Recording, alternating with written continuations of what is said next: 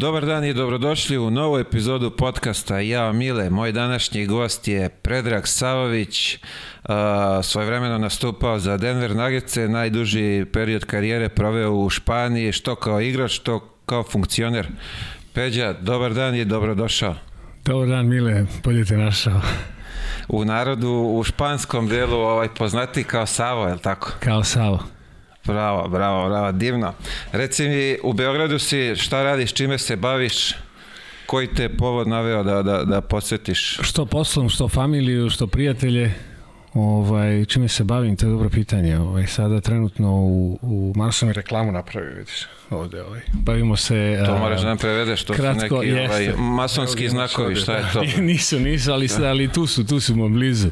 Ovaj, bavimo se kratkoročnim uh, pozajmicama za a, što kažu real estate uh, development u Britaniji. U Britaniji? Da, jeste. A gde smo mi ovde u Srbiji, ili ima A neka? mi smo u Srbiji. Ovde radimo jedan projekat interesantan sa, uh, u tehnologiji IoT sa senzorizacijom i monitoringom. Isto takođe zgrada i poslovnih prostora. Pa ćemo polako to da, da razvijamo. Znači ti si sad ovaj, kako se zove, vatrogasac? Pa nešto slično. Ne, nećemo mi gasiti vatre, ali neko drugi bi došao ako, ako zazvoni nešto. Bravo, bravo, ništa, želim ti ovaj, puno uspeha u, u toj, kako se zove, vatrogasnoj karijeri. Hvala Mile, hvala. Sa srećom, sa srećom. Ovaj, ajde da se vratimo sad uh, na, na, na tvoje početke. Kako si ti počeo se baviš košarkom? Kako, kako zavoleo to?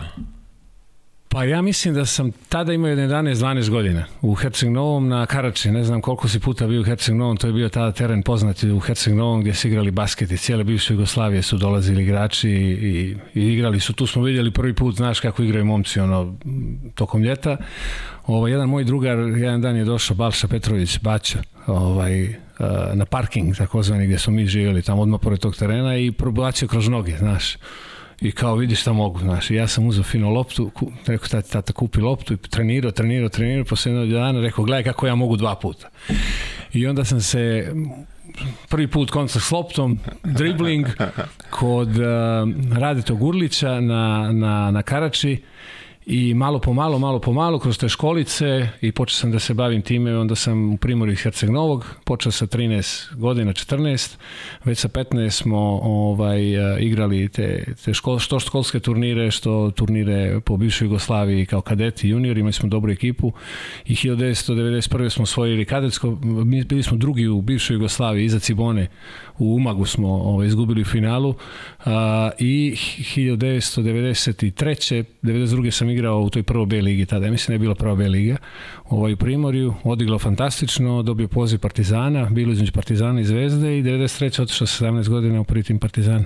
Prvi tim Partizan. Prvi tim Partizana, tada je bio Lončar, Svetenović, Rebrača, Šilobad, ovaj, uh, Stragarac je bio tu, uh, pokojni Brkić, uh, da, bilo je, bilo je fantastično, fantastično. Drobnjak.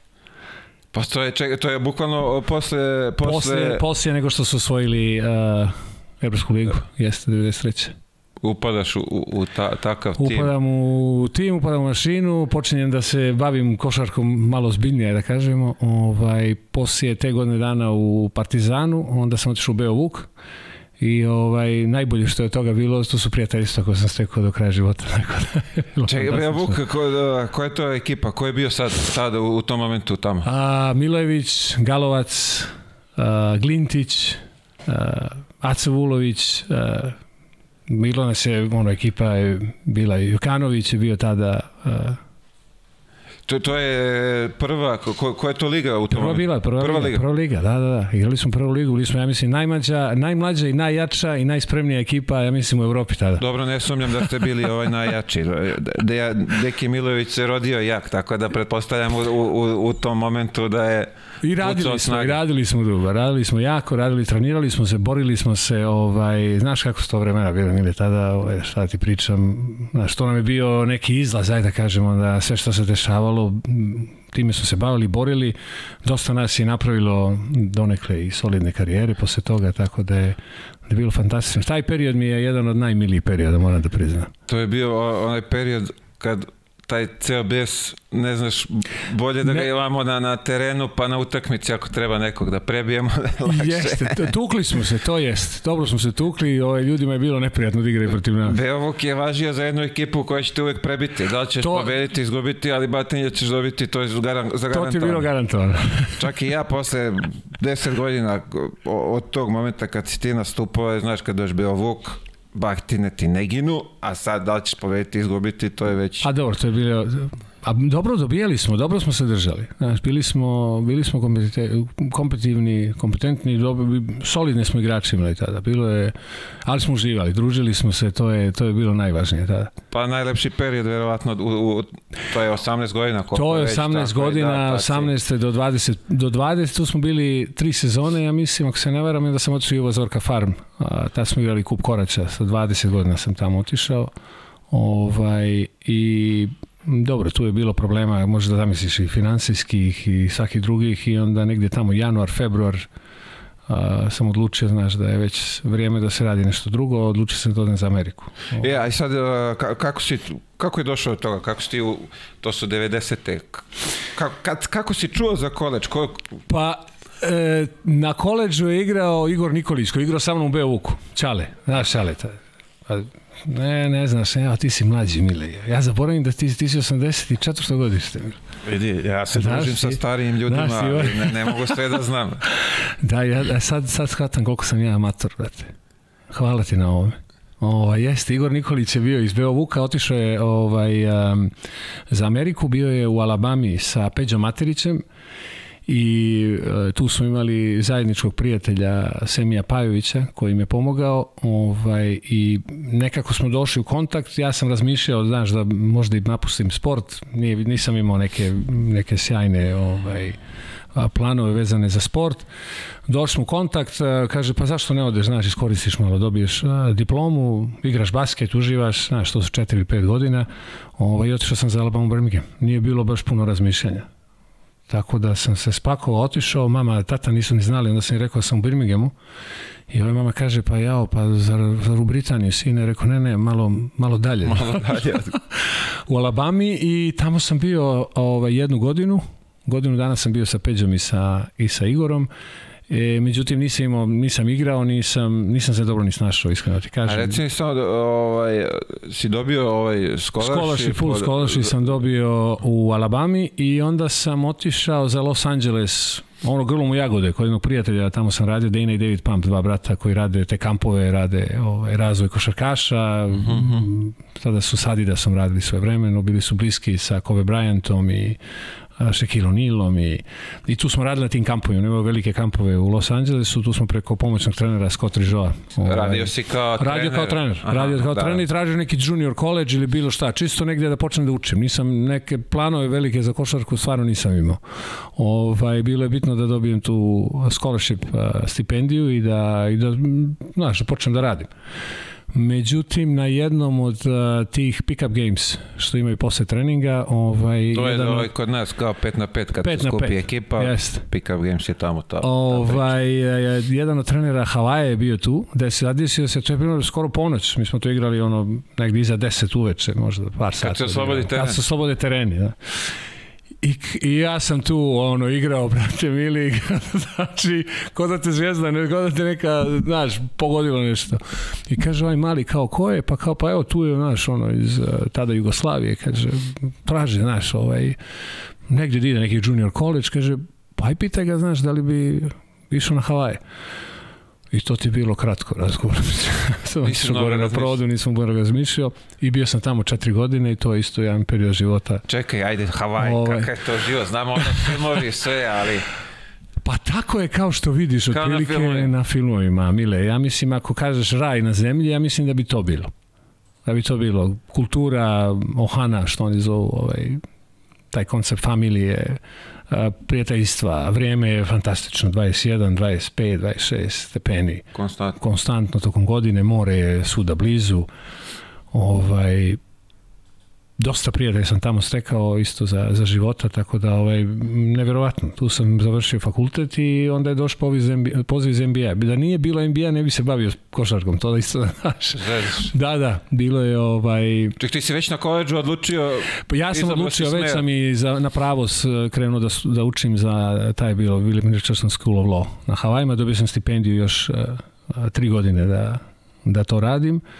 Međutim, kada je došao ovaj ugovor za Denver na tri godine, to sam morao da To Čega pojasnimo, ti nisi draftovan, je li tako? Nisam kako draftovan. Se, kako se to izdogađalo? To, imao... Ja sam imao 18 ekipa sam ja posjetio u mjesecu maju, junu. Ja mislim da to malo ljudi je workout, napravio ja. workout. Je, vidi, uh, Sale Pavlović je rekao da je, ja mislim, bio na 19. 19, da, eto, znači da... Sale je, znači, jer to je baš A to je intenzivno. ta konekcija, crnogorska konekcija, vi ste verovatno... Pa mi guramo, je, mi moramo da guramo, znaš, nema. što veći broj, što veći broj treninga, bolje prolazi. Jeste, jeste, bilo je i to iskustvo bilo fantastično da vidiš tu borbu sa, sa tada najboljim igračom u Americi. Bio sam i a, treći tim All American, bio sam prvi tim All American Academic svoje vremeno i jedan od malo bekova, ja mislim, evropski, kako nije jedini do sada koji je uspio da uđe u NBA direktno iz koleđa. To Bez, je bilo a da nije draftovan. A da nije draftovan, to je bilo, to je, ja mislim da je to do sada nije Nije se desilo. A če, uh, koleđe ste vi neke tamo učestvovali na onim Final Fourovima na jesmo, top jesmo, 8, jesmo. kako već to ide kod njih? Mi smo, dok sam ja bio na Havajima, prvu god sam bio redshirt, što znači da nisam mogao da igram. Bilo usmjeren sam bio za školu, što mi je takođe pomoglo malo da, da A čekaj, zbog čega? Zbog sistem. toga što si već igrao za Kad promijeniš intra NCAA uh, klub, moraš da budeš, oni zovu redshirt, znači ne možeš da igraš. Aha, aha. I još mi je ostalo tri godine eligibility, tako da se ja to iskoristio naš na studije. Mogu si, imao si još godinu dana studija, završiš jednu karijeru. Trenirao si... Trenirao sve sa, sa ekipom, ali nemaš pravo nastupa nemaš pravo nastupa ovaj, i to mi je dobro došlo, znaš, malo da, da, znaš, da se navikneš i na život i na jezik i, i studije, da malo da pokupiš i to je bilo dobro, dobro je bila odluka. Ovaj, I mi smo osvojili dva puta Western Atlantic Conference tada. Šta to znači prevedeno? To znači kako je konstituisan NCAA. A, svi oni imaju konferencije. Dobro. E, međutim, prije konferencije nego što počnu imaš te kao turnire, pripremne utakmice koje takođe dosta njih se računaju ka tvom finalnom skoru. A taj finalni skor se onda računa da li ulaziš u NIT, e, u NIT ili u NCAA turnir. Uh mhm, -huh, to su dva mhm, velika mhm. turnira. Ovaj, I NCAA turnir smo bili dvije godine za redom, dok sam ja bio tamo. Jedno smo izgubili protiv Syracuse i jedno smo izgubili protiv... Um, stavim mi mozak. Izgubili smo protiv, sjetit ću se. Sigurno to je druge godine. Karl English je sa mnom igrao, to on ti je poznat, igrao je protiv nas, ako se sjećaš. Sećam se, da. I u Španiji kad smo bili, bio je na, ja mislim, Gran Canaria bila. Ili, da, da, da, da. da, da. Ovaj, I to je bilo fantastično. Kako se živio na Havajima? Pa surfuje se, roni se. Si naučio da surfuješ? Malo, malo sam naučio dok nisam ovaj, bio pokušan u talasima. Jedno rekao daj, pušti ti. daj, mi smo da, s Jadrana, je, razumiješ? Daj, mi smo da malo, legnem. Mi smo malo dolje ovaj, smirnijeg mora.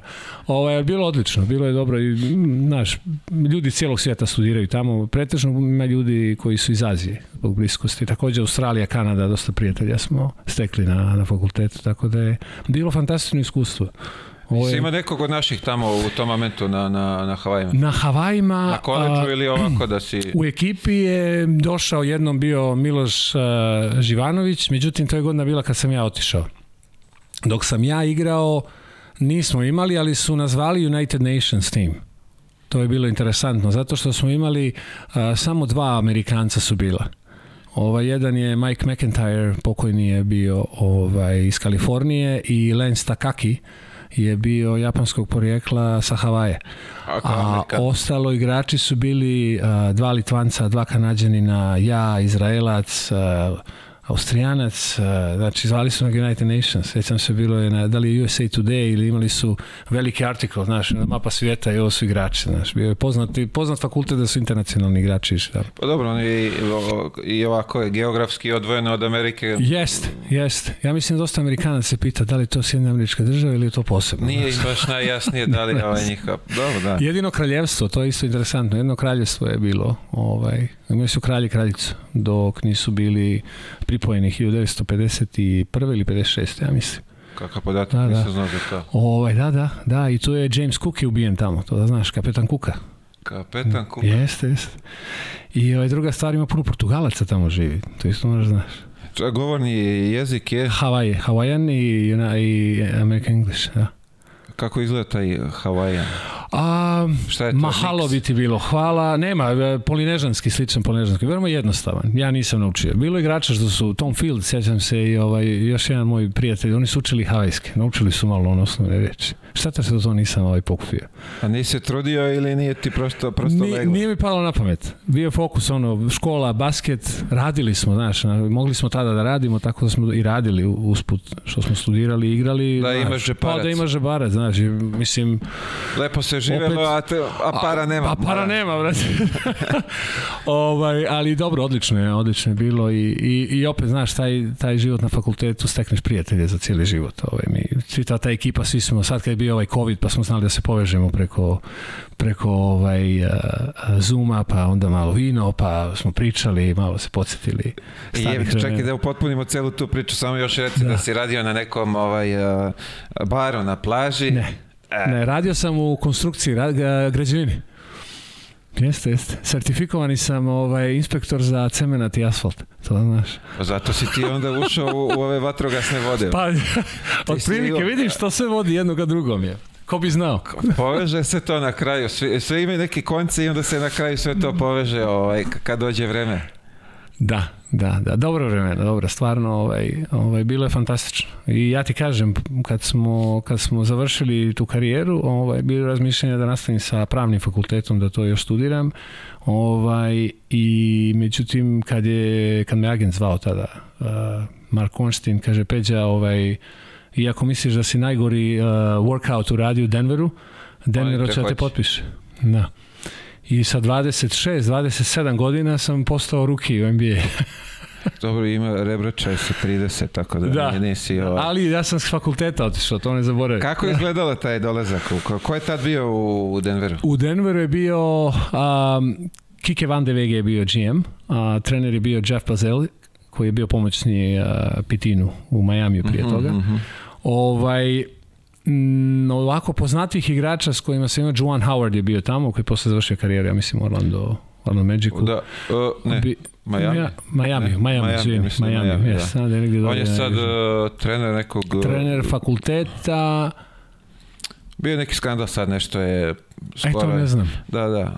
to ne znam. U, udario je nekog protivničkog, da li pomoćnog trenera ili nešto i onda je... A to mi izneđe od njega. Onda On je su- bio uvijek odmeren, uvijek, to je fa- fantastično. Da, ali ne, nešto je, ne znam šta je ovaj, tačno bilo, da li mu je nešto dobacio A, i izgubili su i onda je bilo, mislim, nije tu ništa Aj, pogledaš bilo... to poslije, nisam... Ovaj, nisam naš ispratio. pojam tuče i njihov pojam tuče nije isti, tako da A, to pa je... to si upravo. Znači Da, nije kao je- Bilbao što smo se, Ma, o, niks, ništa od onoga sa Nije Baskonijom. blizu To, toga, da, dobro. nije blizu toga, ali ovaj, naprave oni skandal od dva gurkanja, tako da je na kraju, ja mislim da je dobio suspenziju do kraja sezone, a faktički ostale dve utakmice i onda je to e, ništa se strašno nije desilo. A, dobro. A Markus još Kemby je bio, Markus Kemby je bio, James Posey je bio tamo. Uh, uh, uh, uh. To te već znamo. Kao? Skitišvili je bio tamo. Tad, je, tad kad se na tom draftu je Skitišvili izabran. Ne znam da li je bio peti i sedmi pik. A, tada, Nikos. Da, da. Ovo, još smo stu, s njim sam ostao u dobrom kontaktu. Ne, ne, Ilario je bio. Ostali smo dobri prijatelji posle toliko godina. Ovo, Beše Brazilac, je? Brazilac jeste, ne, ne, ne, ne. Imao poslije onda baš Da, on je dugu napravio, karijeru, da, napravio lepu karijeru, da. To je bila ekipa i Carmelo je otišao, došao, igrali smo Summer League zajedno ovaj, sledeće godine, kad su James i Carmelo došli na sledećem draftu i Darko. Ovaj, međutim, ja sam, mene su zadnjeg otpustili na tom uh, Summer League kampu, to je bilo, u Juti smo bili, ja se sjećam onda, znaš, on očekuješ, znaš, kao ja ne, ja ne, znaš, tu sam, je to tu da sam, tu izbaviš. sam i zadnji dan, zadnje popodne, ovaj, Jeff na bazenu, tač kaže, aj, kaže da razgovaramo, znaš, kao, Međutim, ja se bio spremio za to, tako da ovaj, ništa. Posle toga se vratio kod Sava Vučevića u Belgiju. Tu sam bio godinu dana. Ček, samo molite, nemoj, uh, da. Da. da ne preskočimo. Ruki, reci mi sad, kako je izgledalo to sve? A, Obaveze tvoje kao obaveze kao rukija bio sam tretiran kao i svaki drugi ruki, iako sam imao 20 i tada 6-7 godina. Međutim, sa dosta respekta. Ovaj, Um, trenirali smo mnogo, to je to je istina. Ovaj sa mene je više uvijek zanimao taj management style, tako da se ja kupio stvari ovaj, što sam gledao da vidim kako Kike Van de Wege radi, kako menadžeri rade, kako generalni direktor radi, kako dosta sam vremena proveo sa ljudima koji su back office, ovaj, pravno, strateški, organizaciono. Meni je to bilo interesantno, poslije kao što znaš sam se bavio time do do prije pet mjeseci, ovaj, od kada sam se bio penzionisao. A, što se tiče samog trenažnog tog procesa i to je fenomenalno. Mislim, ovde sigurno i ljudi koje, koje imaš, koji dođu, ovaj, koji su proveli malo više vremena, imali su više da kažu, ali moje to iskustvo tih nekih godinu i po dana je bilo a, fantastično u smislu da vidiš kako je sistem, a, kad im postoji sistem, postoji rezultati. Ovaj, kako timova, tako i lige. I to je nešto što mi je onako baš iznenadilo u smislu da to tako treba. Koja je znači, nadmorska nema... visina Denvera? Uh... A, Mile High City, 1600 metara. I kakav je osjećaj živjeti na, na, na toj... Ja sam, ja mogu iskreno sad iz ove perspektive, poslije koliko je to pa skoro 20 godina, skoro, da. ovaj, meni su uh, jagodice bile, brate, stalno suve i sa ranama, brate. I jesam, ja sam sa Havaja došao na, sa mora došao, sa vlažnosti došao na, u suvo. Meni je veliki problem to bilo. Ja, meni je trebalo, ja mislim, pola godine da, da ovaj da se navikne. Znam da je kao uvek sve ekipe imaju problem kada dođu Sa gore. Sa plućima, kako da ne? Odmah, Denver je bio poznat. Gore, redak vazduh i to je da. Oni te napiče, vrate, i ti prvu četvrtinu dok uvatiš malo dok ti se kiselnik ne stabilizuje da se nalaziš, to je uvijek tako bilo. I u američkom futbalu, i u bejsbolu, i kao šta god. Jer je veli ogromna razlika. Ogromna razlika. To je kako sećaš se kad idemo na pripreme visinske. Da. Pa prvi dva, tri dana, ti dva, tri, znam sad prvi 15 minuta ti treba da trčiš. Dobro, ti ideš na visinske pripreme koje su na 1000, ali ovo je 1600, što nije, ovaj, ja kad sam bio tamo u ovoj razvojnoj ligi, o, znam da sam imao isto neki pr problem o,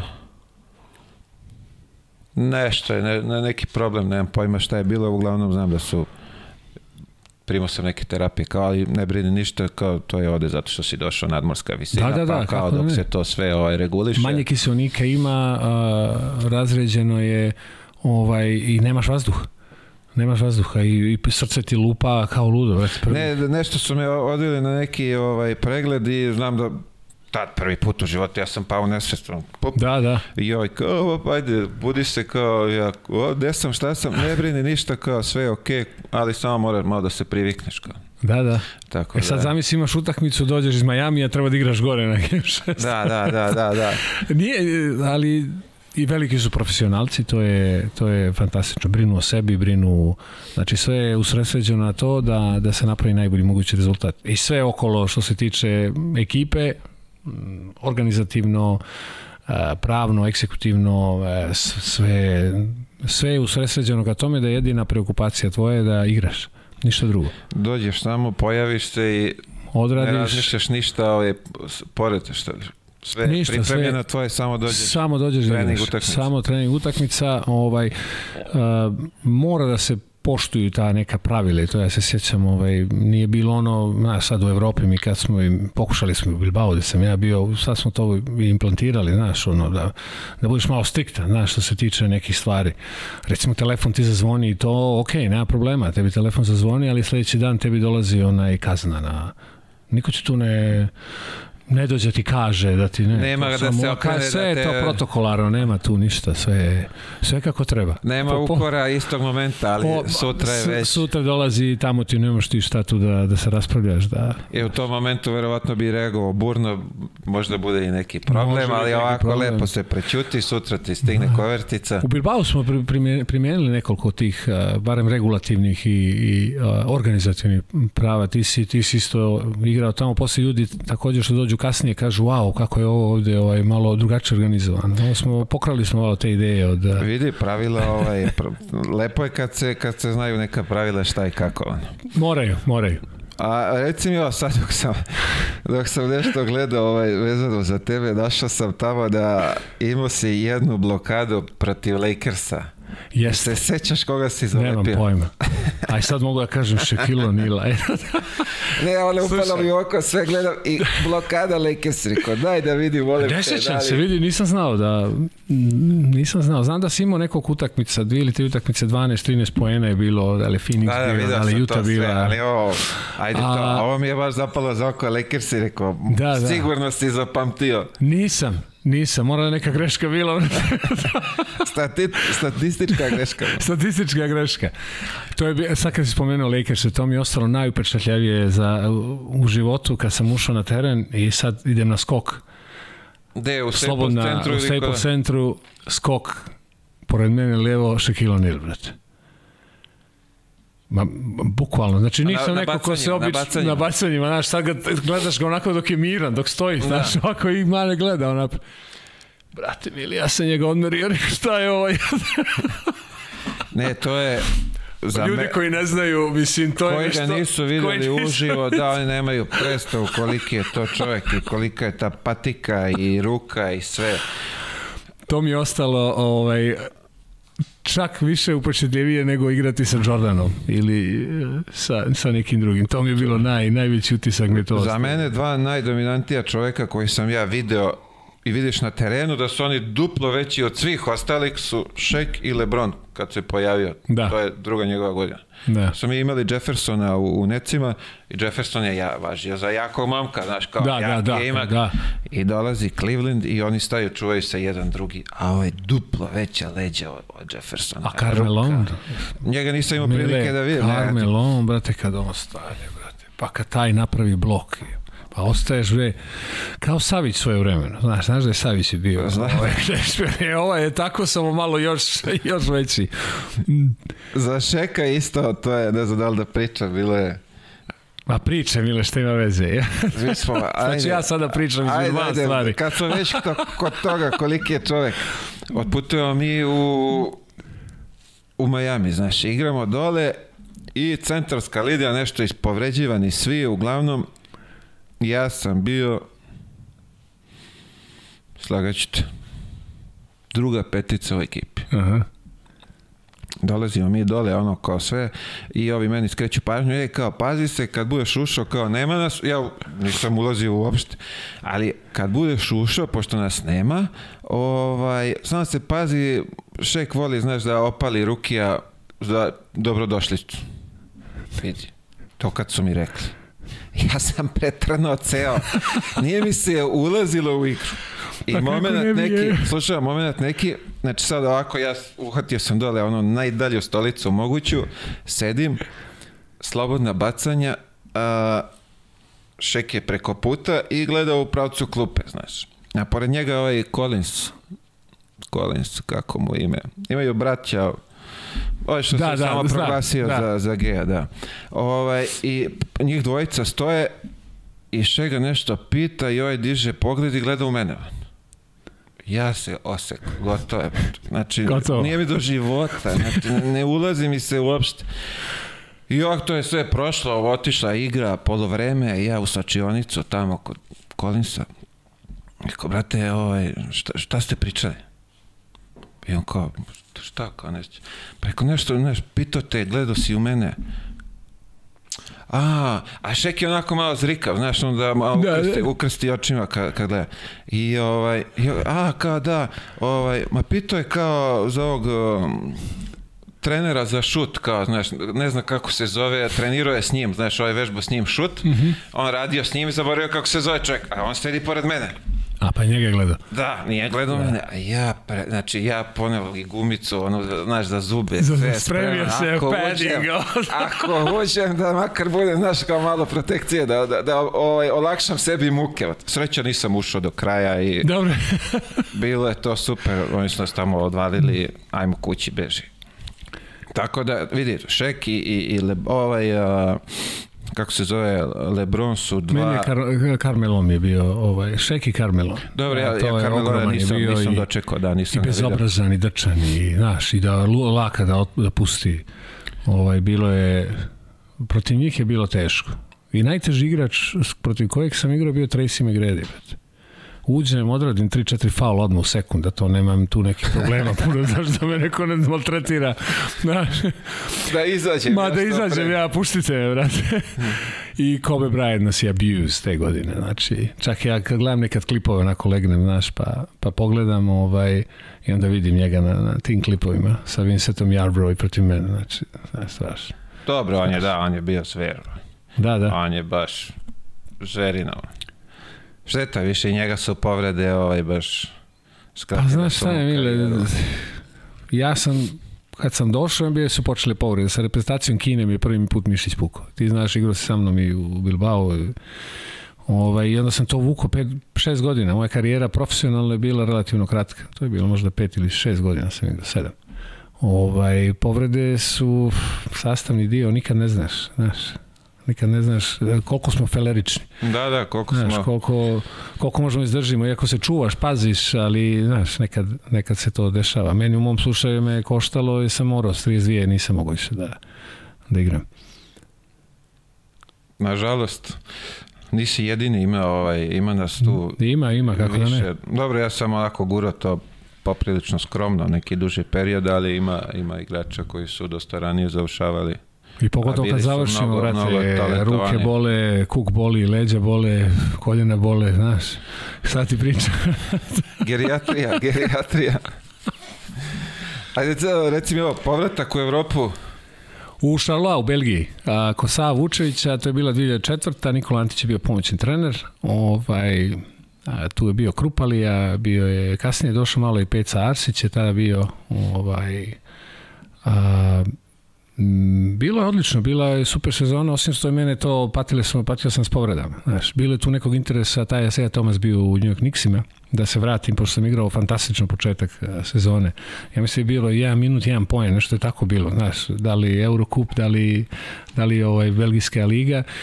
I znači međutim... 40 minuta, 40 pojena. Četiri, da, igrao smo, ja ne znam koliko, 30 minuta, znači to je bilo, stvarno sam bio, ono, oporavio sam se, bio posle NBA-a, bio spun želje, znaš, da se i dokažem i, i ovaj, kod Sava sam funkcionisao, fantastično smo imali vezu, ovaj, njegov sistem je tako bio da možeš malo slobodnije da igraš, da.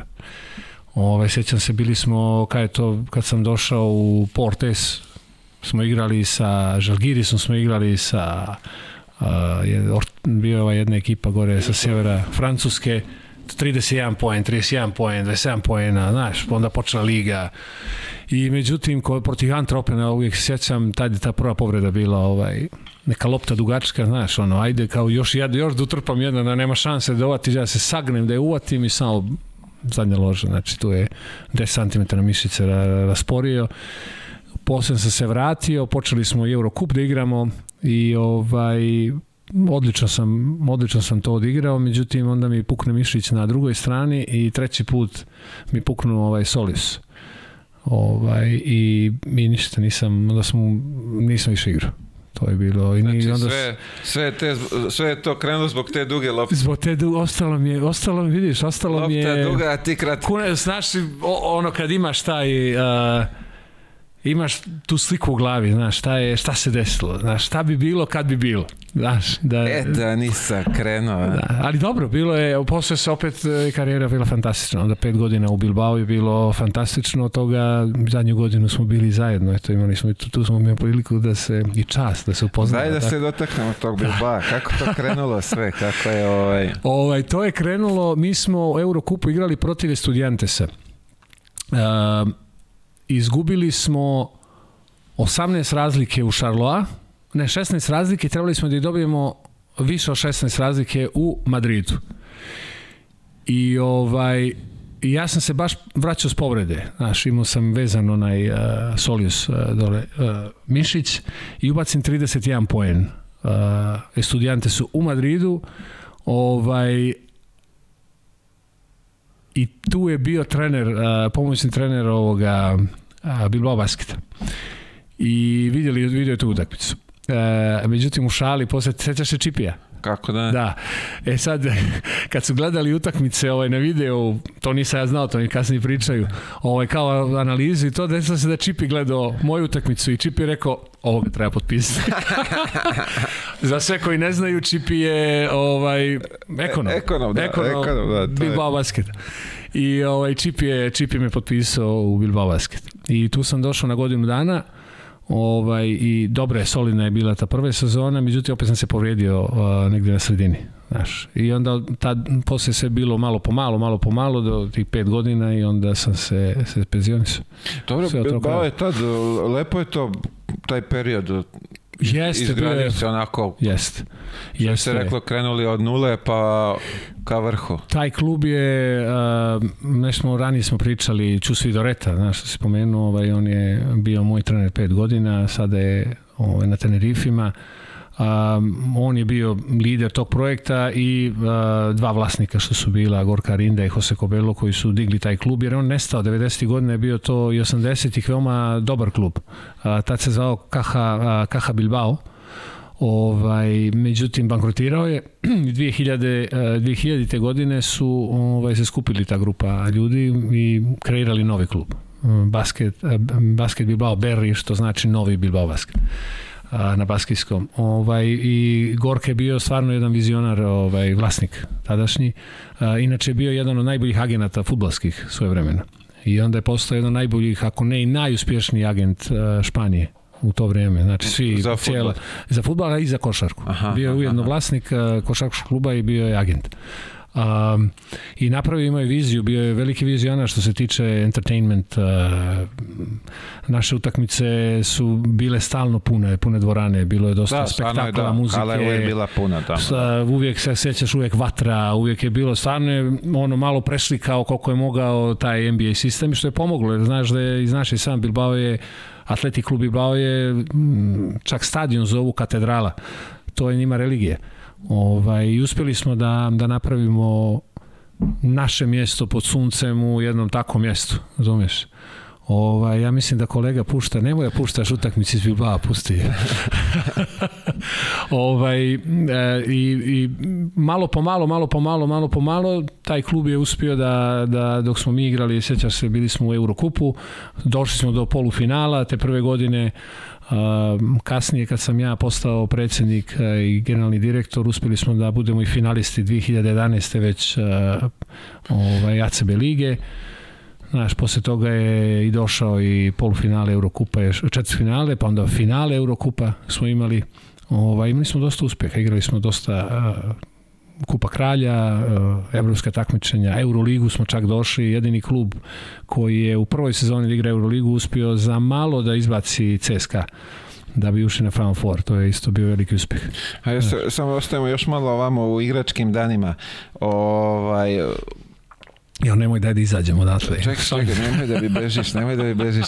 Ovaj, ajde ovako, Bilbao, aj, od malog kluba postoje klub gde su španski reprezentativci dolazili Jeste, to je strateški bilo urađeno, Mile, ovaj, um, generalno u Španiji um, da bi klub bio na nekom nivou da ljudi to prate u masama, ajde da kažemo Ovaj moraš da imaš španski igrač, moraš da imaš lokalni igrači, ne samo u Španiji, ali generalno je to ovaj um, jedan od problema ako pogledaš možda špan, francusku ligu ili ako pogledaš njemačku ligu ili To bi bilo dobro ovaj da čuju i ovde u Srbiji. E, moraš da imaš domaći igrače. Mi smo odlučili 2000 i 10. 11. da promijenimo to. Kad sam ja postao predsednik, okrenuli smo se ka tome zajedno sa Gorkom da moramo da vidimo kako da nađemo način da dovedemo poznate španski igrače. To je vrijeme kada dolazi uh, Raul Lopez, kada dolazi uh, ovaj, Alex Mumbru, između ostalog i to je onda kada, kada ekipa ono dolazi na, ide na sledeći nivo. Nova dvorana se gradi, uh, 9000 ljudi našim utakmicama stalno, Uh, I druga stvar što se pokušava da se zadrže određeni ljudi malo duže vremena. Znači to je u stvari bio malo sistem koji još uvijek pokušavamo, iako nemaš novca, ali postoji načini kako to zadržiš. Znači, taj core ekipe radiš, sledeći krug radiš uh, supporting i onda ovaj zadnji su ono talenti, znaš, koji mogu da budu ili španci ili stranci i uspeli smo, održali smo se, klub je ispo iz lige do duše prije tri godine, prije četiri godine. Ovaj, međutim, vratio se uh, odma, odma poslije i još uvijek je stabilan. Ta, važio i za veliku legiju ovih balkanskih igrača. Dosta igrača, da, da. Pored nas dvojice velikana. Ovaj, tu, tu su bili i bio kako izveli na pravi put. Mi smo, mi smo im otvorili, pa jesmo, otvorili smo, pa, pa zašto da ne, pa jesmo, bili smo, ovaj, ja sam bio, u stvari ja sam bio prvi stranac koji je potpisan uh, u ACB u, u Bilbao prvi stranac i jedan od malo ljudi koji je ostao tamo 14-15 godina ukupno u klubu. Tako da opet to ima neki merit. Dobro, bio je sa, sa nama, da kažem, bio, bio je to i Banić. Banić je ovaj, bio, da, Pašalić Banić, je bio, da, Pašalić. Uh, Marko Te je bio tu. A, a, onda je bio, pa prije toga je bio i ovaj Koljević, Ivan je bio tu. Tako je, Mića Majstorović, je li tako? E, Majstorović je bio da. tu takođe. A, šta je posle bio? Anđušić? Anđušić je došao, ali Anđušić je došao kasnije. To je prije neku godinu, prije nego što otišao kod mog brata u... u ovaj, Ivan Paunić. Je bio Ivan dole? Ne. U Burgen Bres. A, Paunić, jeste, jeste, jeste. Ali da, to je bila godina kad ja nisam bio u Bilbao, ja sam bio u Zaragozi tada. Da, bilo je naših igrača dole, ovaj, poprilično, da. Bilo je, bilo je. I bilo ih još nekoliko dok sam ja bio u Zaragosi u Bilbao, ali ja se ne sjećam jer ja nisam... Ja viš sad kad si rekao uh, Gorka je... Da. Kako beše Gorka? Gorka Rinda, da. Da, a mi ovde pričamo ovaj, kako neki klubovi u, u Srbiji drže ih agenti, znači toga imaju u Španiji da agent drži To, to je bilo, međutim nije nikada dobro viđeno. Znaš, a, međutim ja ti mogu reći iznutra a, da to u nijednom momentu a, što se tiče relacije sa drugim agentima nije bio problem. Znači, naši klubovi su, dok sam ja bio predsednik, generalni direktor, mi smo imali slobodu da razgovaramo sa određenim agentima, jer je u najboljem interesu kluba. Preko nije njega moralo i samo sve. preko njega. Da li je on imao 4 ili 5 ili 3 ili 6 igrača? Jest. Da li imao 12 igrača? Ne.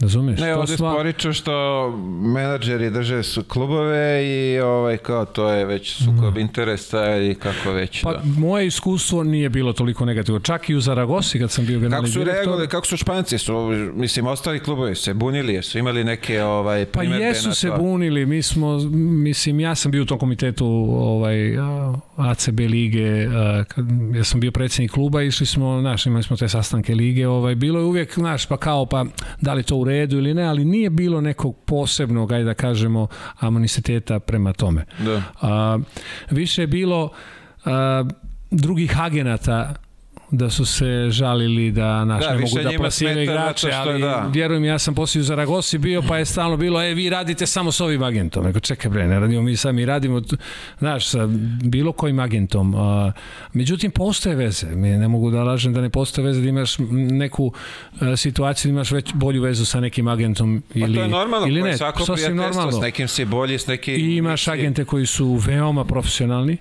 i imaš agente koji su manje profesionalni. I ti bi volio da radiš sa agentima koji su da, više profesionalni, međutim nekada igrači su malo skuplji.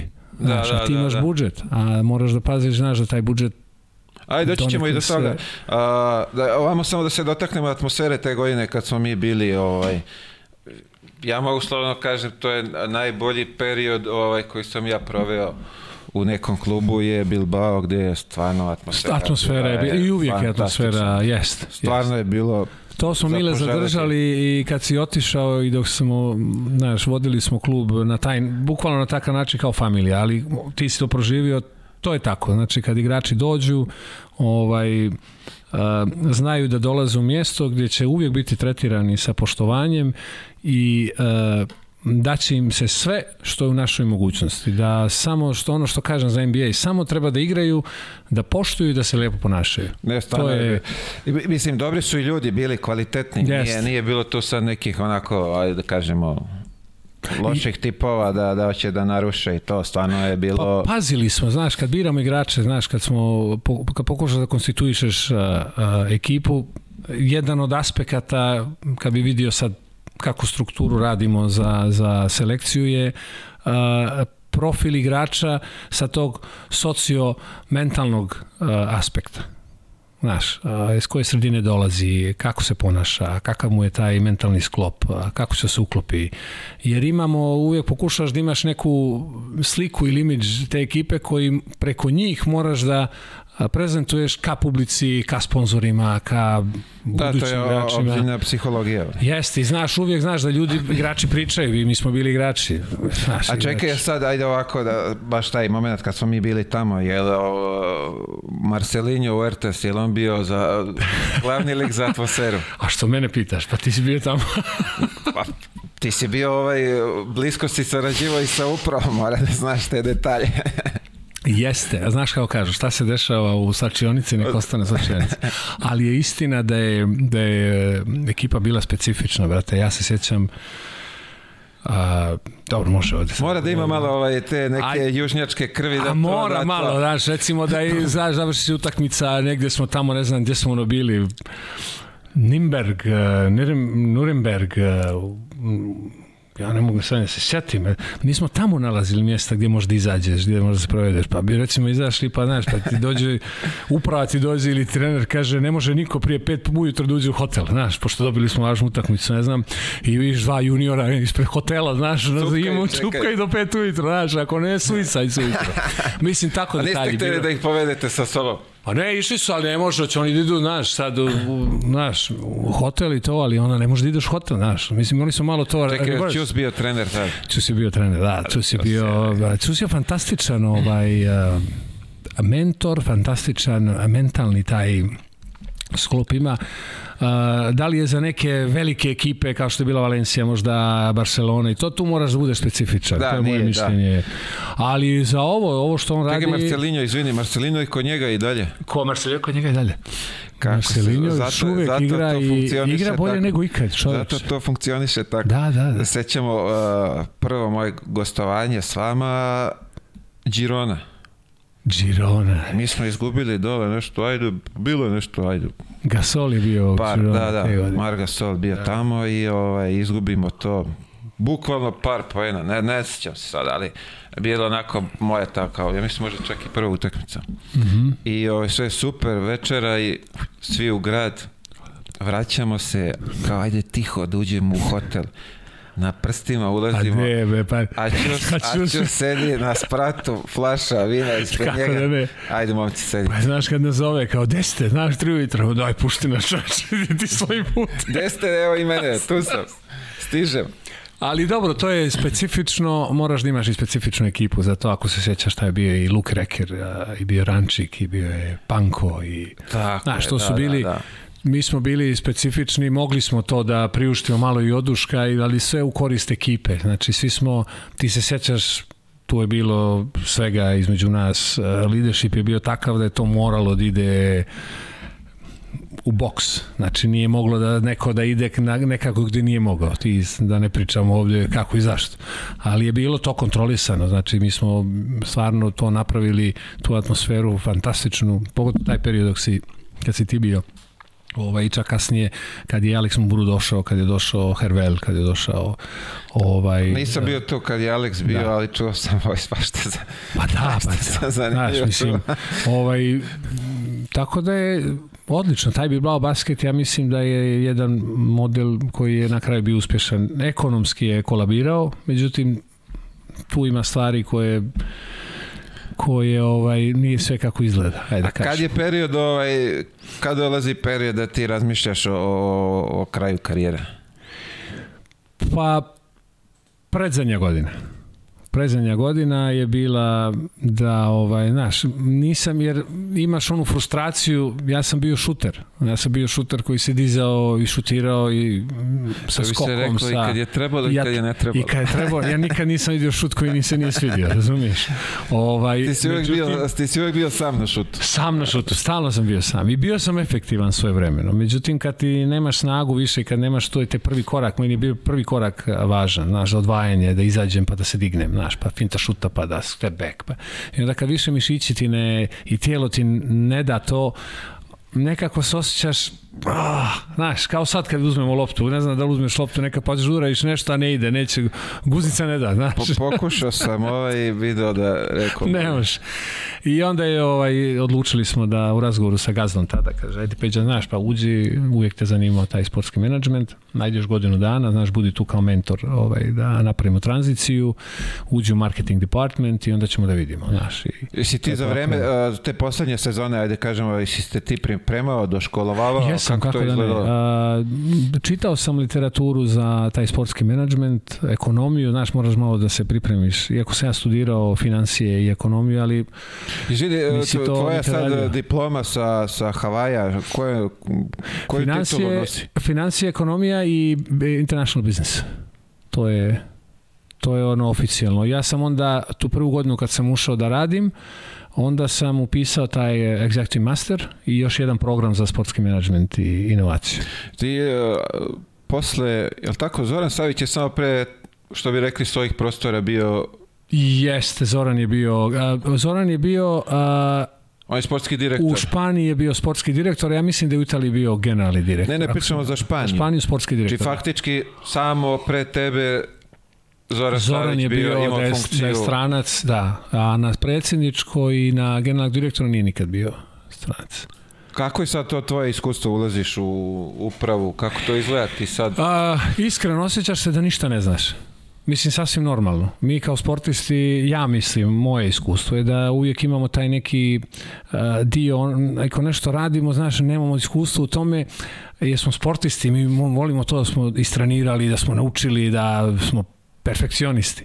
Međutim, kad uđeš u neke stvari vode da baš to dobro ne radiš, u mom slučaju je bilo, jao, znaš, stalno moraš da se doškoluješ, da čitaš, da, da gledaš, da razgovaraš, da, i bilo je, bilo je teško, međutim, bilo je i interesantno.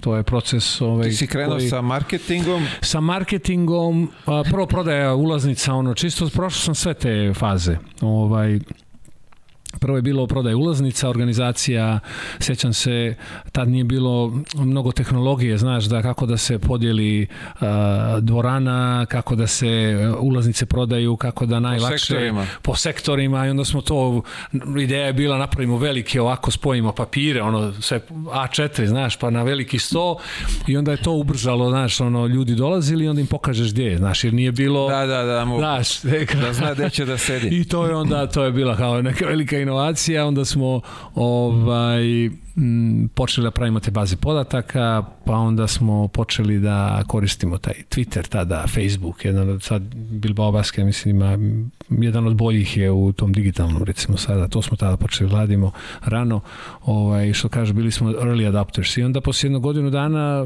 došle promjene na predsjedničkoj poziciji i ovaj gaz da me zvao, kaže, Peđa, jesi ti spreman da možda budeš predsjednik?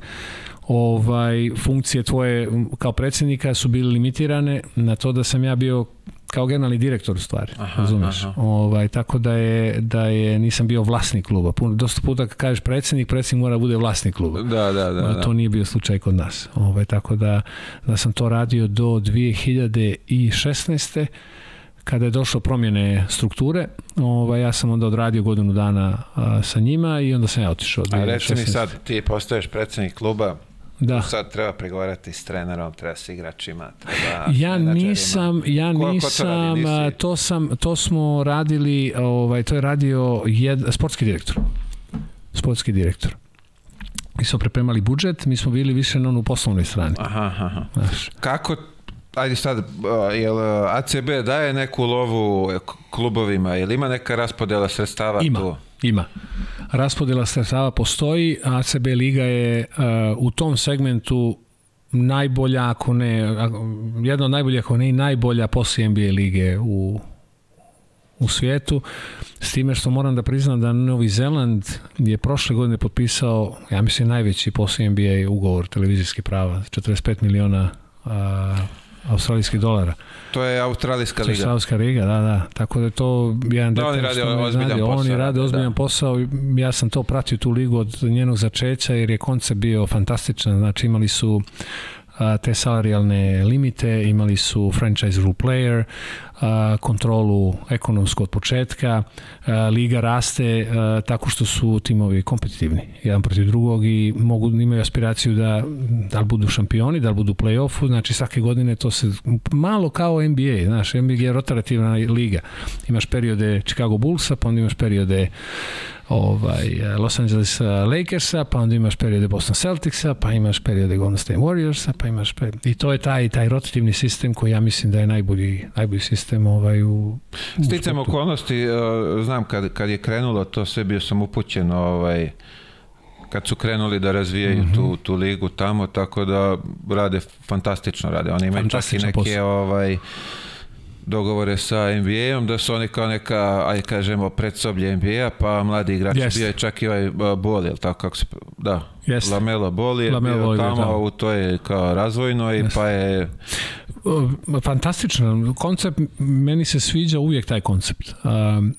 druga stvar, ta liga, ne znam kakvi su njihovi planovi, ali može da se razvija po cijelom tom Pacifiku, u Polineziji, Znaš, imaš taj, cijeli taj dio može da, da malo po malo raste. Znaš, ne da se samo limitira na to Australija, da, verovatno, Zeland. Verovatno imaju, ovaj, ne znamo koji su im planovi, da, da. možemo da saznamo, ovaj, pitaćemo, ali ovaj, rade, rade, ozbiljan posao rade i dobro ga rade. Da, da, e, i taj ugovor sa, ja mislim da je Amazon potpisao sa njima, ovaj, je neverovatan. Mene je to iznenadilo, jer smo mi, ja znam kakve su financije ACB lige i nije ni blizu tolikom ugovoru kao što su oni potpisali. Kad kažeš financije ACB lige, uh, jel Barca i Real dobio najveći deo kolača od e, toga ili veoma je ekitativno podijeljeno. Nema velike razlike. Znaš, ovaj, nije sada da, zato što su oni više na televiziji da dobijaju više. Dobijaju malo više, zavisno si od plasmana. Više je tako. A jel trpi ACB zbog njih?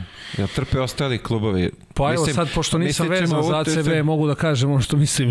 Naš sprijezi mora malo da se kontroliše. Moraš se pazi šta pričaš. Moraš biti politički. Zato smo u podcastu i sve može. Ja mislim da da. Ja mislim da jedan od velikih problema generalno evropske košarke je da uh, imamo, imamo klubove koji generalno ne generišu ono što troše. To je jedan veliki problem. A, žive u nekom, ajde da kažemo, balonu Razumeš, ti imaš klubove koji se finansiraju iz sredstava koje ne generišu, to je futbal, imaš klubova koji, se generiš, koji ne generišu income, dobijaju novac od, od mecenas, kao što je slučaj može biti i sa Valencijom. A, imaš slučajeve gdje jedna firma je vlasnik a, i daje pare. A, koliko god ti da pokušavaš da napraviš da taj klub i taj, ta liga ima nekog interesa za konsumiranje, znači neko mora to da plati, ovaj, imaš problem jer je veliki disparitet između kluba kao što je Zaragoza i Bilbao koje poznajem jer sam u oba slučaja bio generalni direktor koji mor, mogu da žive samo od onoga što, što naprave a boriš se protiv ljudi koji imaju u neku ruku su subvencionisani. Da, da, da. Razumiješ? Onda imaš klubove koji su subvencionisani od strane regije da im spominjamo svima njima imena. Da, da, Ali jasno. ovaj, a, znači ti treba da se boriš nekim, svaki dan si na ulici, svaki dan treba budeš kreativan, a, kako na, na internetu online, tako i offline. A, 9000 ljudi u dvorani imaš. Mi smo u Zaragosu imali 7, 7.500, 8000. A međutim, ne možeš da imaš 10 miliona budžet. A jednostavno To je nemoguće. Jedini način da to možeš je da Liga to generiše, ali Liga ne može da generiše zato što stalno su isti klubovi šampioni, isti klubovi su u play-offu, isti klubovi su finalisti Superkupa i, to nema nikakvog smisla. To nema nikakvog smisla. Evo, pitanje, da li oni utiču na kvalitet lige? Na kratkoročno, ne. Zato što ja mislim da kad ne bi igrali tu ligu u Španiji ili negde drugo, ta liga bi pala u kvalitetu. Ali na dugoročnoj stazi imaš pravi primjer Australijske i Novozelandske lige Ljudi već pričaju o njoj, ljudi, oni imaju ugovor sa NBA. Ja. Ne bre, imaju ugovor Tako sa NBA-om, da, dakle da. Znaš, ako zavisi da li to gledaš na kratkoročne ili dugoročne staze. Ako bi gledao na dugoročne staze, pa zašto ne, ja bih napravio tur, ja bih napravio ligu sa Portugalom, zašto nikad to nije bilo konsiderano. Imaš Lisboa, imaš uh, Porto. Porto, da. Imaš, to su milionski gradovi, to je tržište milionsko, uključuješ novu državu. Razumiješ? A, mislim, dosta puta sam ja to u krugovima i u Španiji razgovarao o tome, međutim ne, to je obično bude e, ra, Ideja ti je dobra, ali... Ne može, ne može da se aplicira, ne možeš ti da staviš limit, salarijalni limit Realu Madridu i Barceloni, mislim to je apsolutni absurd da to i čak i pro, da. predložiš, da li, znaš, onda imaš... Da limitiraš na lupom 10 miliona, a njima je budžet 25. A njima je budžet a... zato što se bore sa drugim ekipama u Euroligi ja, koji imaju slično finansiranje. A Saragossa muči se da nagura na 6 miliona. A mi se mučimo da naguramo X milion. Da. Razumeš? Ili Bilbao. Tako znači, da... to je faktički isto sve koji ovde, samo malo lepše upakovano. Jest, jest. E, znaš, tako da mislim da promjene neke treba da se dese e, kako organizativno, tako i strukturalno ovaj, unutar tih liga. Koja je solucija? Ne znam, mi, ja, sam, ja participujem personalno u jednom projektu već 7-8 godina da napravimo košarku u Britaniji razumiješ, ovaj, i ti si upoznat sa tim. Kako izgleda ovaj, to, dokle ste stigli? Pa, analizirali smo tržište, imamo sve podatke, ovaj, Nielsen je radio dvije godine, godinu i nešto dana je, preko godinu dana je radio market research. Uh, imamo ljude koji bi to mogli da izguraju, međutim problem je novac, a novac neće daju ljudi zato što ne vide perspektivu u tome. U sličnoj smo situaciji kao što je bio MLS uh, svoje vremeno -hmm. u Sjedinjeničkih američkih državama, kao kakav futbal u Sjedinjeničkih američkih državama. Da, tamo. Da, ali taj futbal sada donosi ogroman novac e, tim prvim ljudima, investitorima koji su bili. Tako da To se... Dobro, vama je teško, vama je, ajde kažemo, futbol broj 1, onda je šta ide ragbi. Onda ide ragbi, ali naša ideja je malo drugačija. Naša ideja je da izađemo. E, još jedan problem što ima košarka je to, košarka se igra od uh, taj kako zovu form term. Znači ti se takmičiš bilo kojoj državi sa futbalom to je, znaš, A ljudi si uvek si u, su uvek zapečku, si da. u zapečku. Ne možeš ti, znaš, kad otvoriš novine, ti imaš 24 stranice futbala i onda imaš dvije stranice. Ljudi se još uvek uh, informišu preko novina i preko televizije i uh, to je tako. Futbol Dobro, sad ide malo digitalizacija. Ide malo digitalizacija, ali... Kupimo žurnal, prvu, bar sam ja radio prvu stranu, prvi onaj deo žurnala slobodno mogu da bacim i onda okrenem one sledeće dve, Jasne. tu je košarka i, i sav ostali sport je na još tri strane i to je ceo žurnal. Pa to, to je realnost, to ti, je, ti si rekao, sportski žurnal ti je realnost, to je tako i u Španiji, sve je futbal. E šta je nama plan u, u, u Britaniji da okrenemo to malo, da napravimo da bude summer term liga i da bude destinacija gde... Između futbolskih sezona. Između futbolskih sezona, ne samo futbolske sezone, nego nema ni kriketa, nema ni ragbija. A, dvorane su jeftinije. A, škole tamo traju do kraja jula. Znači, te familije i to ljudi moraju negde da idu nešto da rade. Razumiješ? Tako da je i, i ponuda ta samom a, u Londonu ili Birminghamu, u Liverpoolu, imala bi publiku.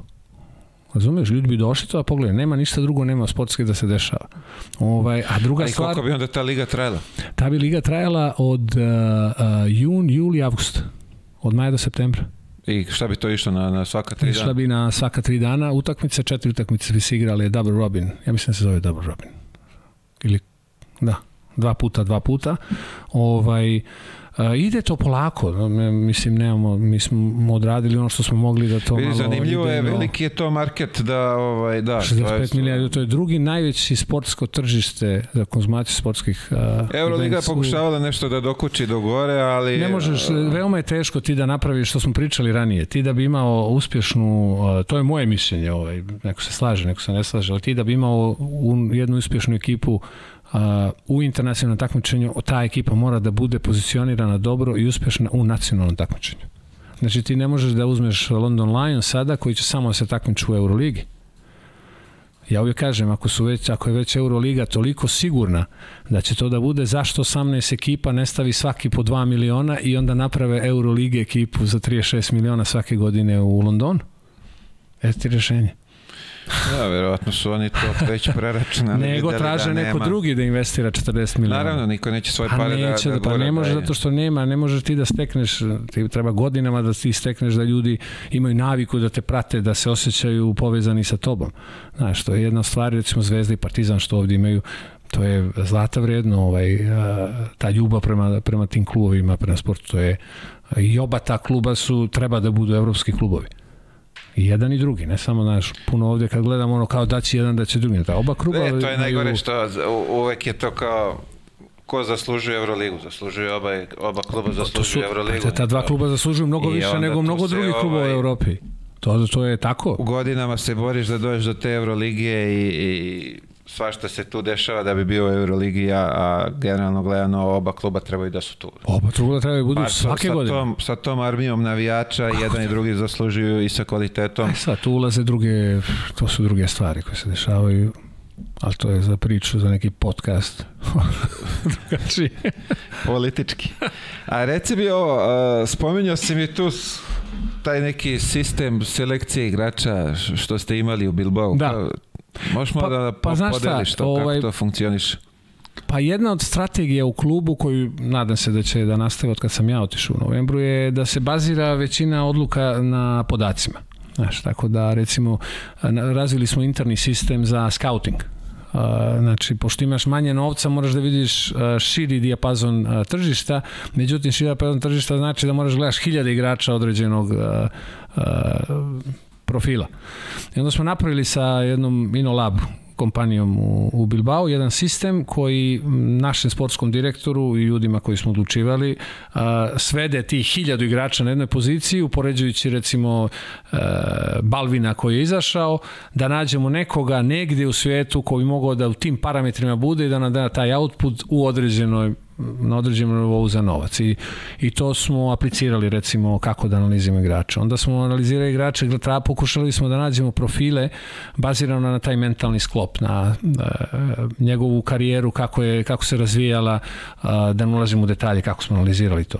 Ovaj, a, I kako strukturišemo taj klub kada igrači dođu, znači bukvalno a, sve je protokolarizovano u, Bilbao, znači kada, a, kada igrač dođe, di- generalni direktor i sportski direktor ili ja ili on, u zavisnosti da li možemo, dolazi, tu je i ovaj uh, team uh, on se sprovodi uh, kući, uh, u kući ga čeka, recimo ako ima dijete ili ako ima stan sa da li dvije sobe, tri sobe, sve za dijete je spremno, ako ima psa, onda se, znaš, ima malo hrane, svi ti mali detalji, Da, da, na da. stolu ga čeka ključ od auta, mobilni telefon, čeka ga ugovor da se potpiše oficijalno, čeka ga osiguranje za celu familiju privatno, goodie bags, sve je, znači čitav taj, čak i kada odlaze, Uh, uvijek je sastanak, uvijek je dobiju, ja bi svoje vremeno im napisao uh, od strane kluba uh, jedno pismo pozdravno, svako je personalizirano,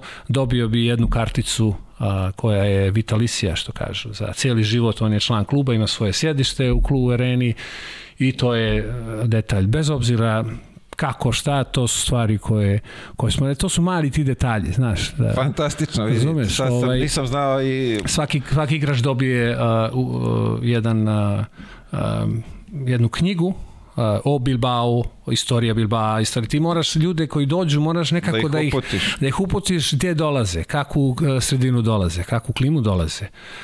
Gdje su restorani, gdje je tržni centar, koji su brojevi doktora, koji su brojevi policija na kraju krajeva, znaš, i tako ih malo edukuješ sa tim. Onda imaš a, jednu a, a, istorijsku malu knjižicu za klub i slike i ime i prezime od ekonoma pa do a, one ženske djevojke što- koji će susretati da, da steknu tu ovaj malo. Eto, to su neki detalji. Ajde sad, ovdje, mogli, mogli bi jedan podcast 3 sata vidi, kako to da... fantastično. Ne, ne, ja sam oduševljen. Znam da si mi spomenuo neke stvari, ali Da, ove da. detalje nisi spomenuo i ovi detalji ovako, mogu slobodno kažem, Da, i- i oni- automatski njemu onako Jest. prija mu što je došao i daje mu do znanja da je dobrodošao. Da, naravno, je, kako da ne. Ja se sjećam, mi smo, kad smo u Zaragosi bili, napravili smo jedan sistem da, recimo, za mladi igrače, Zaragoza je jedan od najboljih uh, uh, klubova za razvoj igrača. Ovaj, I imali smo recimo da kada dolazi roditelj sa, sa djetetom, uh, znaš, imaš dosta klubova i to iz iskustva i našeg što smo radili tamo smo sve bivši igrači, svoje vremeno i Salva Guardi je bio tamo i, ovaj, i čak i predsednik kluba, glas, vlasnik Reinaldo Benito je bio igrač, i to uspešan igrač, prije što je postao vlasnik. Uh, I recimo roditelji kad su dolazili, ovaj, znaš, teško je da ti se ti boriš sad sa Real Madridom, Barcelonom ili Valencijom, znaš, po estudijantes, po po kapacitetu da li novca, da li bilo čega drugo. Ali jednu stvar smo radili, išli smo na roditelje. Roditelji da vide kada dijete dođe ovde, od predsjednika preko mene kao generalnog direktora, pa sportskog direktora, pa direktora za mlađi razvoj, svi smo upleteni i svi znamo u svakom momentu šta se dešava sa djetetom. I onda tako smo napravili, znači ima ručak sa predsjednikom, sa generalnim direktorom, razgovaramo s roditeljima, sa djetetom, onda ima ručak sa sportskim direktorom i sa sledeći dan. Znači, napravimo čitav taj jedan um, program da to je malo i NCAA sistem naš aha, aha. da da vide da da kad dolaze tu da su to oni su naša odgovornost. Znači nije samo da sad ide uh, direktor za razvoj mlađih igrača i eventualno sportski direktor. Ne, ne svi smo tu da da da pomognemo. A što su ti mali detalji recimo koji koji ovaj eto ti klubovi su eto prilike da i ovde neko sa naših prostora koji ima ovaj klubove da malo vidi kako se posluje u Španiji. Pa da, sigurno da radi dobro, nešto. pa ne, pa i odavde, pa ne bi izlazili mi odavde igrači da se ne radi dobro. Znaš, ovde stalno izlaze igrača, ovo, ja sam siguran da, da se ovde radi veoma dobro sa djecom, pogotovo u zadnje vreme vidimo, znaš, talentovana djeca izlaze, dosta igrača u NBA, ovaj, tako da sigurno rade dobro. Da li može uvijek malo bolje? Naravno. Može li može gore? Bolje. Takođe može i gore. Može i gore uvek. Ali zašto ne poraditi na tako nekim... To su mali, mali detalji, detalji koji mali detalji. čine tebe velikim i kao klub i kao čoveka da, da. i sve, a drugoj strani mnogo prija jer se osjeća onako baš Pa je, jeste. Primljeno. I zna jedna stvar, uvijek smo to razgovarali, ovaj, naš, naj, najbolji, eh, kako se kaže, preskriptor, eh, ko te upućuje u nešto, znaš, igrači pričaju među sobom, znaš, to je, i onda, znaš, kad neko zovne i kaže, e, kako je Bilbao, ili kako je bilo u Zaragosi, znaš, onda je, mora da kaže da je bilo dobro, zato što sve će mu raditi, naravno svega ima, ima nesporazuma, ima zaboravimo, ima mi ljudi smo, nije, nismo sad perfektni, ali pokušaš barem, imaš neku tendenciju da to tako odradiš. A, će nam pojasniš malo ovaj, Baskiju? Da. Kako to, malo ja sam, i dan danas sam zbunjen. Prvo sa, sa njihovim jezikom, ovaj, sa, sa ovim slovima, kako to sve izgleda. Baskija je, evo ovako, Baskijici kažu da, da su oni, da je to pra otac svih jezika u Evropi. Oni su jedna od najstarijih nacija u Evropi. E, nemaju toliko pisanu istoriju koliko imaju jezičku i kulturološku. Uh, jedna interesantna stvar za Baskice, uh, znaš onaj kao Moby Dick kad kad love sa harpunima, pa Baskici su bili jedini ljudi koji su mogli da love kitove sa harpunima, tako to da znaš. Kaže se za Baskice takođe, čak kažu da je i dokazano da su oni prvi ljudi bili koji su bili na kontinentu Sjedinjenih američkih država na Severnoj Americi mnogo prije bilo ko drugi da je otkrio taj kontinent. Međutim, oni su veoma Eh, kako se kaže, čuvaju tajnu a, rute a, tih kitova aha, i ribe. Aha. I onda su te rute čuvane. Iako su oni došli do tog kopna, oni su čuvali a, te rute da ne bi niko saznao. Znači oni su dovlačili te kitove u te njihove San Sebastian, taj, te rijeke, otvarali ih, mast, ribu, sve to. Oni su to radili uh, i polako postajali na navigatori, postajali uh, Uh, takođe su poznati bili kao borci svojevremeno. Recimo imaš priču u 16. vijeku uh, Asedio de Castel Nuevo, Herceg Novi, uh, tvrđava Španjola. Poznaješ je? U Herceg Novom. Zove se Španjola. To je najveće utvrđenje špansko van teritorije Španije. To da znaš. Prezaš. Vojno, da. Ovaj, tu su Baskici branili, 600 Baskijaca je tu branilo ovaj, čast Španije, kralja Španije svoje vremeno. U Herceg-Novom. U Herceg-Novom i ubili su preko 30.000 Turaka u toj uh, Asedio de Castelnuevo. To možeš na internet da odeš. To je istorijska, veoma važna bitka. Tad se ra, razbila Sveta alijansa, by the way. Ovaj, tako da, Baskice su tako uvijek negde su tu. A, imaju svoju teritoriju, uvijek su imali svoja prava, ovaj, oni to zovu fueros, svoje zakone, koji su malo drugačiji, sistem, zakonski sistem je drugačiji. Još uvijek imaju uh, svoju policiju, imaju svoju vladu, imaju svoj zakonodavni sistem, imaju svoje porezki sistem, imaju svoje bolnice, imaju, bukvalno funkcionišu kao apsolutno autonomna pokrajina. Čekaj, hoćeš da kažeš da... Oblast ti gore plaćaš drugačiji porez ja porez nego... plaćam u Baskiji drugačije nego u Španiji i Baskija odlučuje koliko, sa dogovorima sa Plavskom Ado koliko se šalje Madridu. Da. Oni su nezavisni. Znači ti ceo svoj porez platiš Baski, Baski i onda oni Baskija, šta oni, oni daju. šta oni, kako se oni dogovore i oni to veoma pametno koriste ovaj, za neke druge stvari. A, jedan od najbogatiji je region u Španiji, a, zovu ga Švajcarska Španija, bukvalno. Ovaj, a, na moru je, a, pozivam ljude da, da dođe da probaju. Ne, lepo je, lepo je muzej videti, tamo, stvarno bio je, si, ovaj- mislim, sad ti kažem, znaš kako je. Da, ovaj. cela te regija je Jezik je čudan, jezik je veoma komplikovan, koristi veoma malo riječi, što je interesantno i mora veoma je deskriptivan. Znači ti umjesto da kažeš da je ovo čaša, ti ćeš reći ovo je uh, sprava sa kojom piješ vodu, recimo. Znači moraš da pričaš deskriptivno. Znači, to je malo probao sam naučim, nema šanse. Djeca su do duše, Eleonora i Magdalena su naučili, Magdalena više, bila je fluentna u Euskera.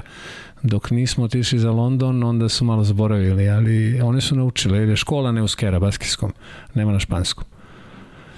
Uh, futbolski klub je tako, oni ne, ne uzimaju niko ko je van... Ne uzimaju nikoga ko nije, a, ko nije baskijac, baskijsko porijeklo. Ili da si rođen u Baskiji, kao što su braća Jel to je dan Williams. danas tako ili... To je tako i to će uvijek biti tako. Znači, ali znaj da Baskija se uh, prostire kako na španskoj teritoriji, tako i na francuskoj Na francuskoj teritoriji. gore, da. da. Tako da imaš Francuze koji su nekada igrali, ali su Baskici. Iz Koji Baskije. to red veličine stanovnika? E, Baskija ima 2,5 miliona. Bilbao ima oko milion metropolitan, Bilbao grad ima oko 350.000. I sastoji se, e, druga stvar interesantna, ovaj, Baskija kao, kao region, Euskadi, ima vladu. Međutim, sva moć ekonomska i politička je u njihovim manjim regijama, što malo ljudi zna. Oni se zovu Alava, Gipuskoa i Biskaja. E, šerifi tih regija, oni su glavni. I onda imaš predsjednika vlade, ali moć, sva moć je realno u, u tim regijama. Kod lokalnog šerifa. Kod lokalnog, regionalnog šerifa. Regionalnog šerifa. Zanimljivo. I funkcioniše savršeno za... Funkcioniše savršeno. Oni su ovaj uh, oni su već veoma slični nama.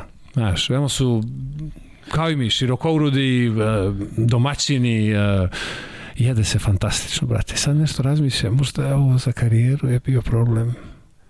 Možda se ti Hrana, preopteretio. brate. Možda se ja preopteretio. Možda se ja to previše ozbiljno shvatio. A, Baskije. Da, Baskija, dobro, sećaš se, be, more, pa ovo, naš, odeš. Ba, samo Ne, da ne, znaš da stvarno. možeš autom, da odeš 10-15 minuta okean, onaj, da pogledaš malo, da sedneš, popiješ kafu, onaj, a, da li si, Gečo, dobro, da li. Sopelana, da li, znaš. Ne znam gde je tačno, znam da si nas vodio, ovaj, bili smo mi ekipno tamo, išli smo ovaj, na, na te Mhm. Ručkove, večere, šta Ruško je već. bilo odlično. Da, bilo odlično.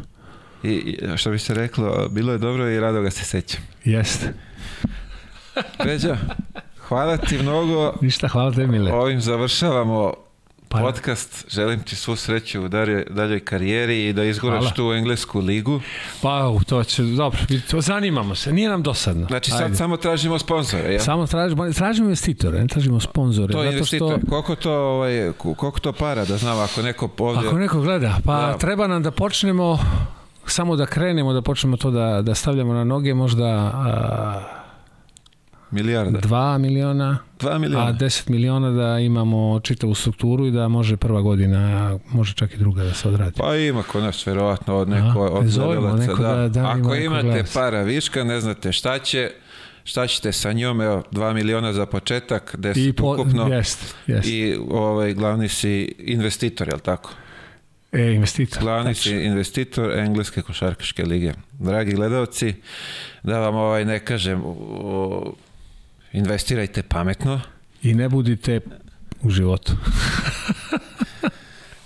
Pozivam vas da zapratite kanal tamo na crveno dugmence, subscribe, da budete upućeni u dešavanja podcasta. Hvala vam još jedan put i vidimo se sledeće nedelje. I, I Mile, i da pozdravim ovaj, uh, Eleonoru i Magdalenu. Znaš, Magdalena ovaj, igra basket, a Elica, ona igra tenis i volejbol je počela. Tako da, sportska familija. Veliki pozdrav, veliki, Veliki pozdrav. od nas. Biće im drago. Ajde. Pozdrav, Mile. prijatno. Ćao.